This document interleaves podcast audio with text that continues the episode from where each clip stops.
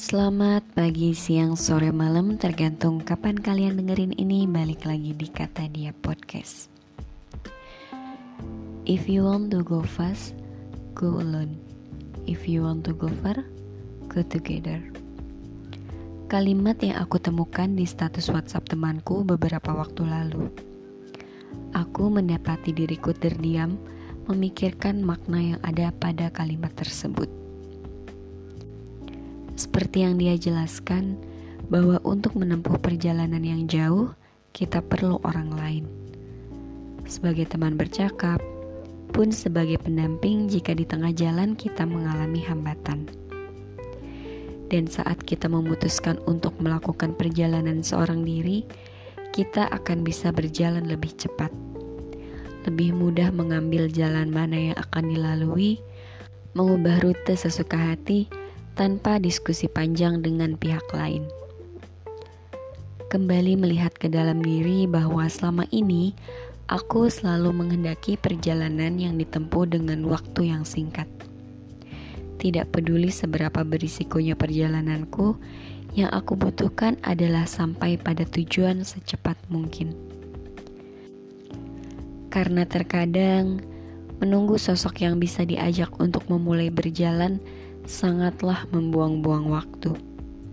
Terlalu banyak pertimbangan bagi kedua belah pihak. Belum lagi pertikaian dan perdebatan bahkan sebelum perjalanan dimulai.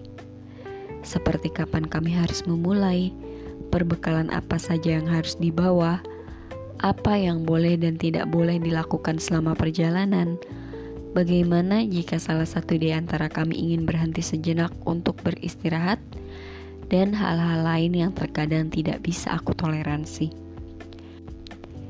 Aku terlalu sulit untuk bisa berkompromi terkait perjalanan.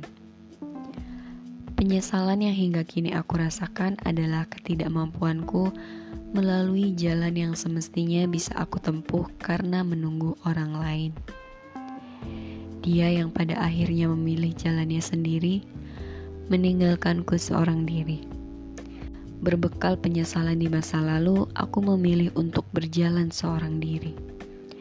Dengan segala risiko yang aku tanggung sendiri. Jatuh, bangun, badai, pelangi, aku mencoba menikmati semua yang aku temui selama perjalanan. Aku sudah terlalu banyak membuang-buang waktu dengan menunggu. Gimana kalau jatuh? Berhenti sejenak untuk memulihkan diri, ditemukan oleh orang lain yang bersedia untuk membantuku kembali berdiri. Hanya membantu untuk memulai perjalananku lagi, bukan untuk menemani.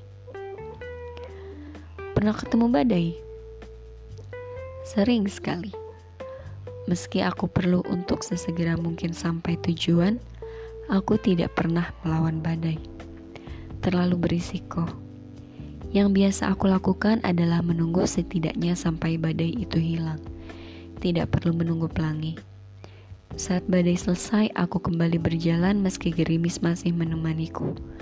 Untuk kemudian perlahan aku menemukan pelangi.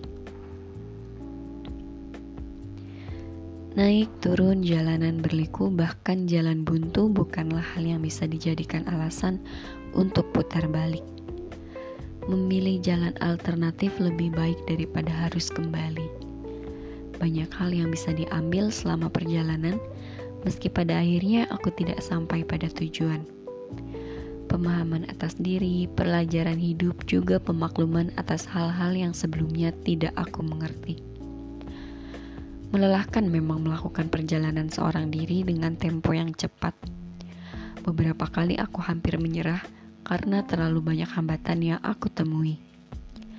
Aku berhenti untuk menemukan teman perjalanan, tapi lagi-lagi itu hanya membuang-buang waktu.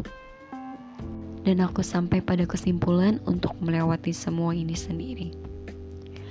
Aku ingin segera sampai pada tujuanku. Untuk kemudian aku menemukan tujuan baru, memulai perjalanan baru, perjalanan jauh perjalanan yang tentu akan membutuhkan teman di sana. Aku tidak harus berkendara seorang diri. berbekal pengalamanku dengan perjalananku, aku bisa menggantikannya mengemudi saat ia perlu mengistirahatkan diri.